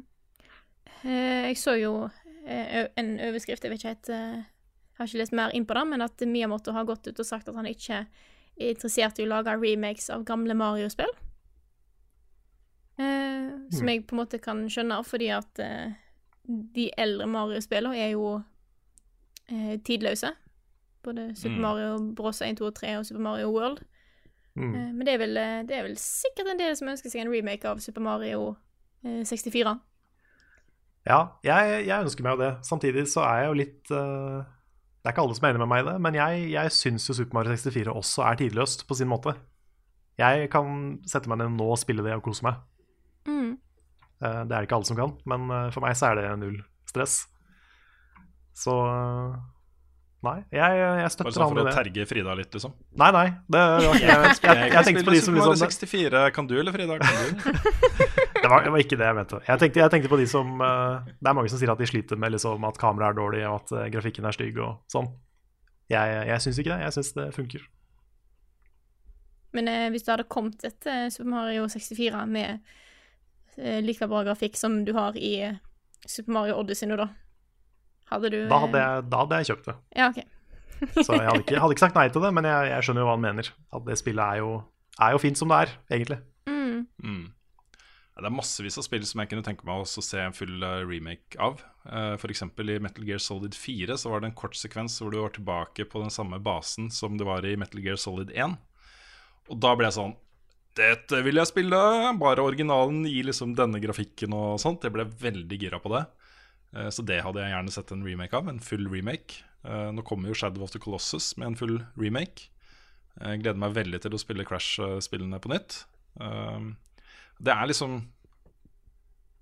Det er på en måte en slags eh, sånn kulturkonservering. På en måte, Å gjøre gamle klassikere tilgjengelig for en ny generasjon, og uh, samtidig som man gir uh, fansen og de med et nostal nostalgisk forhold til disse her en mulighet til å gjenoppleve de store opplevelsene man hadde for 20 år siden, f.eks. Mm. Det, er, eh, det er positivt. Ja, du kan, du kan jo også gjøre det med sånn som virtual console og backwards compatibility. Mm. Um, men i noen, noen spill så er jo remakes eh, på sin plass, føler jeg. Ikke alle. Det krever jo ikke like store teams. Altså det er jo en investering, og de bruker tid og ressurser som de kunne ha brukt på å lage nye ting. liksom. Uh, men det er jo ikke så store teams som det er når man skal lage et helt nytt spill fra scratch. Man, har jo, man vet jo hva spillet skal inneholde. Det handler jo bare om å lage assets på nytt. på en måte. Så det, det, Den investeringa er ikke like stor, da, så jeg føler ikke at det tar så mye bort fra nyutvikling og nyskaping at eh, de burde slutte med det. Nei, det er sant. Nei. Når vi er inne på dette her, så har vi jo fått et spørsmål fra Knut Johan eh, Storbuk Aas, som spør siden NES og SNES kommer ut nå, vil vi se en Nintendo 64 til neste år? Det kan skje. Det, kan, det kommer til å skje. Jeg vet ikke om det skjer neste år. Vi begynner jo å nærme oss liksom eh, litt mer avanserte greier, liksom. Plutselig så kommer det jo en, eh, en retrokonsoll som koster like mye som nye konsoller. Fordi det må, det må den gjøre for å få den bra nok. Mm. Vi har Men, alle spill eh, og sånne ting. Ja, Neste år tror jeg ikke det kommer. Det tviler jeg Det kan hende, da. Det kan hende, men uh, altså det, det er jo ikke superkomplisert. Den, den datamaskinen du trenger for å kjøre en eh, Nintendo 64-emulator, koster ikke mye penger liksom å bygge, bygge det. Men uh, ja. True. Ja. Nei, det Oi, nå, døra blåser så veldig opp, og så er det så varmt, så det er vanskelig å finne, finne the sweet spot. Um, nei, kanskje, kanskje det er sånn vi til slutt får Mother 3, at det kommer en Gameboy Advance Mega. Så du kan komme til TV-en, og da får du spille Game of Advance-spill. Mm. Ja. Hm. Det var kult.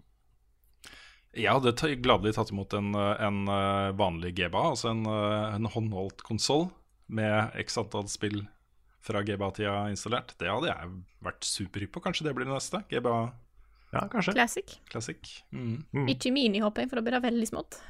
Ja, jeg synes den, den skjermen er liten nok som den er, liksom. Ja. Så den kan, den kan ja, det kunne godt gjøre det litt større. Mm. Mm. Mega. Ja, GBA Mega. Eh, har dere noen spørsmål dere har sett? Hvis ikke så har jeg et siste her. Jeg har plukka ut eh, de to tingene. Lagt ene inn i nyhetsspalten, andre inn i ukens tema. Så Ja, nei, kjør på. Eh, for da har vi et spørsmål her fra eh, Folle på Patron. Vi skriver Hei sann, endelig får Ville meg inn her for å støtte dere litt. Jeg vil greit å begynne med nedbetaling av PlayStation, PlayStation 4-konsollen jeg fikk av dere for nå over tre år siden. Eh, mitt spørsmål lyder som følger. Har dere et spill eller en spillopplevelse dere sterkt forbinder med sommer? Sånn som enkelte låter eller album tar deg tilbake til en bestemt sommer i livet ditt. Aller først da, så er det jo eh, Det er hyggelig at, eh, at han ble patronbacker. Vi husker jo han fra, fra Welcome to the Future musikkvideokonkurransen, hvor han vant. Og det var han som vant Ja, det, det var! Det var han da han som vant en. PlayStation 4. ja. Stemmer. Og før det så hadde han sendt inn en fantastisk morsom video til seerbidragsspalten vår, eh, hvor eh, han og en kompis klaga over at de ikke fikk T-skjortene sine. Og var det han Stemmer som lagde lagde noe? Stemmer det? Det var han òg. Bra Nå, fyr. jeg tror faktisk nå er vi a jour med T-skjortene, altså. Jeg tror vi tok de Ja siste før, eh, før vi gikk ut av VG. Jeg håper det. Ja, er Terje hadde ikke fått en, men han, eh, han fikk i hvert fall tilbud om en. ja, ja det håper jeg. ja. Ja. Spill som tar oss tilbake til sommeropplevelse. Jeg har vel egentlig bare ett eksempel, og det er Pokémon Go. Ja. Det er det ultimate Mm. sommerspillet. Der, eh, der hadde jeg en del veldig ålreite opplevelser i fjor. Jeg Både husker med å- Nei, Nei, både med å prate med fremmede folk og være ute i byen med Kristine hele dagen og stikke ut og spise. Og det var liksom en koselig greie. Mm. Det er helt sant. Jeg hadde veldig mye koselige minner med Pokémon Go eh, fra i fjor sommer, med- med at jeg eh, så folk jeg ikke hadde sett på en stund. Blant annet så eh, møtte jeg på en jeg gikk på ungdomsskole med. Veldig eh, koselig type. Og så fant vi ut at ja, han òg skulle ut og drive eller lagde Pokémon, så vi endte opp med å kjøre rundt på øya flere ganger i uka med han, bare sånn for å liksom jakte etter Pokémon. Så var det hyggelig å reconnecte litt med gamle venner. Men uh, utenom det så har jeg eh, en sommer der vi var veldig mye på hytta, og det regna noe helt sinnssykt. Uh, og så tror jeg jeg ble sjuk samtidig. Da tok far min og henta gamecuben eh, vår fra Stord, og så satt jeg og spilte Luigi's Mansion. Han hadde da glemt å ta med minnekort, som var litt trist. Men jeg husker jeg satt og spilte gjennom hele Luigi's Mansion fram til siste boss, og der døde jeg. Og da eh, Mm. forsvant hele saven, så jeg kom meg nesten gjennom hele spillet på én run. Luigi's Mansion Hardcore. Ja. Jeg, eh, altså, de fleste av de sommerminnene jeg har eh, fra spill, eh, handler egentlig om multiplayer-ting. Quake 3, for eksempel, som jeg spilte i flere år. Eh, også når det var sommer. Og det var også før jeg hadde kone og barn, så da kunne jeg jo sitte inne og, og spille det. Eh, men det var en periode over en tre-fire år hvor, eh, hvor Microsoft hadde sånn eh, Games of Summer-kampanje, hvor de ga ut indiespill, gjerne, midt på sommeren. Mm. Um, jeg husker f.eks. Limbo kom ut midt i juli uh, og ble en sånn veldig sterk opplevelse den sommeren.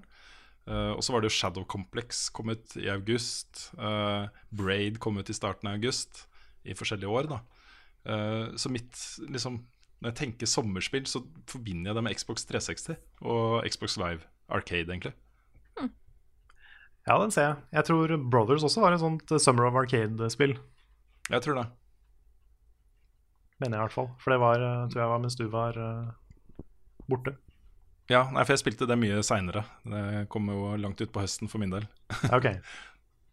Så eh, ja. Men det var, det var kult at de brukte liksom en veldig dødtidperiode av året til å lansere veldig veldig spennende spill. rett og slett. En kul måte å gjøre det på. Mm. Indeed. Men da har jeg gått tom eh, for spørsmål. Å Ta, eller i hvert fall lista mi er tom akkurat nå. Og podkasten begynner å bli litt lang igjen. Så vi kan vel Jeg kanskje kan jo nevne en, en, et spill til. Ja. Det er fra fjor sommer. Uh. Monument Valley spilte jeg mens jeg var på ferie i Japan. Og det er sånn Når jeg spiller det spillet nå, Monument Valley og 1 og 2, liksom, så ser jeg Japan, liksom. Og det, det, jeg forbinder det veldig sterkt med Japan. At jeg ligger på hotellrommet etter at uh, ungene var lagt og, sånt og spiller Monument Valley. Det er en veldig sånn sterkt bilde. Da var jeg ferdig. Da er du ferdig. Mm. Skal vi si noe noen gang om Kilden, eller har vi tatt noe i starten av podkasten? Nei, Vi har kjempeshow i Kilden den 19. august. Eh, kom og join oss. Billettene er ute på kilden.com. Vi tror det blir veldig bra. Og Det nå, I hvert fall nå som vi har fått testa teknologien litt, og det blir jo superproft. Så, Ta, ja. ta turen, folkens. Dette mm, vi kan jo si litt om hva vi skal gjøre i sommer også, fordi Carl og jeg tar ferie, men du skal jobbe, Frida. Ja. Eh, Nick og Lars skal jobbe, kanskje Svendsen litt også. Eh, hvordan blir det med podkasten, f.eks.? Eh, det blir forhåpentligvis en podkast eh, For jeg, jeg har ferie i to ukene midt i juli, så forhåpentligvis så kommer det en podkast neste uke og en siste uke i juli. Men det er litt sånn tentativt. Vi er nødt til å koordinere litt ting og sjekke hvem som kan. Men forhåpentligvis så kommer det et par eh, eh, ekstra i løpet av sommeren. Så det blir ikke helt eh, Det blir ikke helt uten podkast i juli. Forhåpentligvis. Det er bra. Ja. Veldig bra. Så kommer det Så vil det også komme litt anmeldelser og litt anmeldelser, litt sånne ting. Mm. livestreams, kanskje. Kanskje livestreams. Eh, Ja, for- dytter vi på dere bare ah, gjør, Ja, Ja, gjør ting. Gjør alle tinga. Jeg kan, kan jo også nevne da, at vi har, eh, jeg har spilt inn masse Nuzlocke på forhånd, så ikke det blir pause i det. Og så har vi i hvert fall én episode til av eh, Film i tull som kommer i juli. Mm. så er det Det er jo da at jeg har eh, Jeg har tenkt til å i hvert fall ha en stream eh, neste uke, som eh, vi får se hva det blir. Det kan være det blir litt Mario Kart. Og så Mm. har jeg òg litt lyst til å ha en, eh, den siste streamen siste uka i juli. At jeg kanskje tar litt Splatoon 2, siden da er etter at den har kommet ut. Så har dere fått fått en liten teaser på det. Kult. Og så er jo den offisielle lanseringsdatoen, hvis ikke du har forhåndskjøpt Destiny 2, offisielle lanseringsdatoen for betaen er jo den 19. juli, og det er jo en onsdag, Ja. etter det jeg har forstått. Mm. Så vi snakker jo om å kanskje ta en eh, Destiny 2-stream. Så det er bare til å følge med, folkens. Det kan være det kommer mye content selv om Rune og Karl har tatt sommerferie. Men eh, det, kan, det blir nok som regel litt Sannsynligvis blir det litt mindre enn i en vanlig måned. Men eh, det er Mm. nå ferie. Vi må ha lov til å ha litt fri, vi òg. Mm. Vi kan, kan jo si kjapt at eh, grunnen til at vi tar uh, juli begge to, er at vi prøvde å ta hver vår måned i fjor. Og det funka for så vidt greit, men det, var liksom, det ble to måneder med sånn halvveisproduksjon. Og nå prøver vi å isteden bare ha én. Mm. Det skjer mye mindre av store utgivelser i juli enn det gjør resten av året. Ja, det også. Men uh, da er det vel på tide for oss eh, tide, tide for oss, ja. Eh, på tide å si eh, takk for oss. Takk til alle som eh, støtter oss på Patrion. Dere er fantastiske folk. Eh, og håper at eh, hvis, eh, hvis du- som hører på, syns at det vi lager er dritkult, så er det bare til å gå inn og støtte oss, du òg. Så da vil jeg si ja, takk for oss. Takk for alle som har hørt på denne episoden av podkasten Level Backup. Og så snakkes vi forhåpentligvis neste uke. Får se hvordan det blir. Men uh, takk til uh, holdt på å si Rune og Carl tar i hvert fall sommerferie nå. Da ble jeg sur. Yes. Takk for oss. Veldig bra.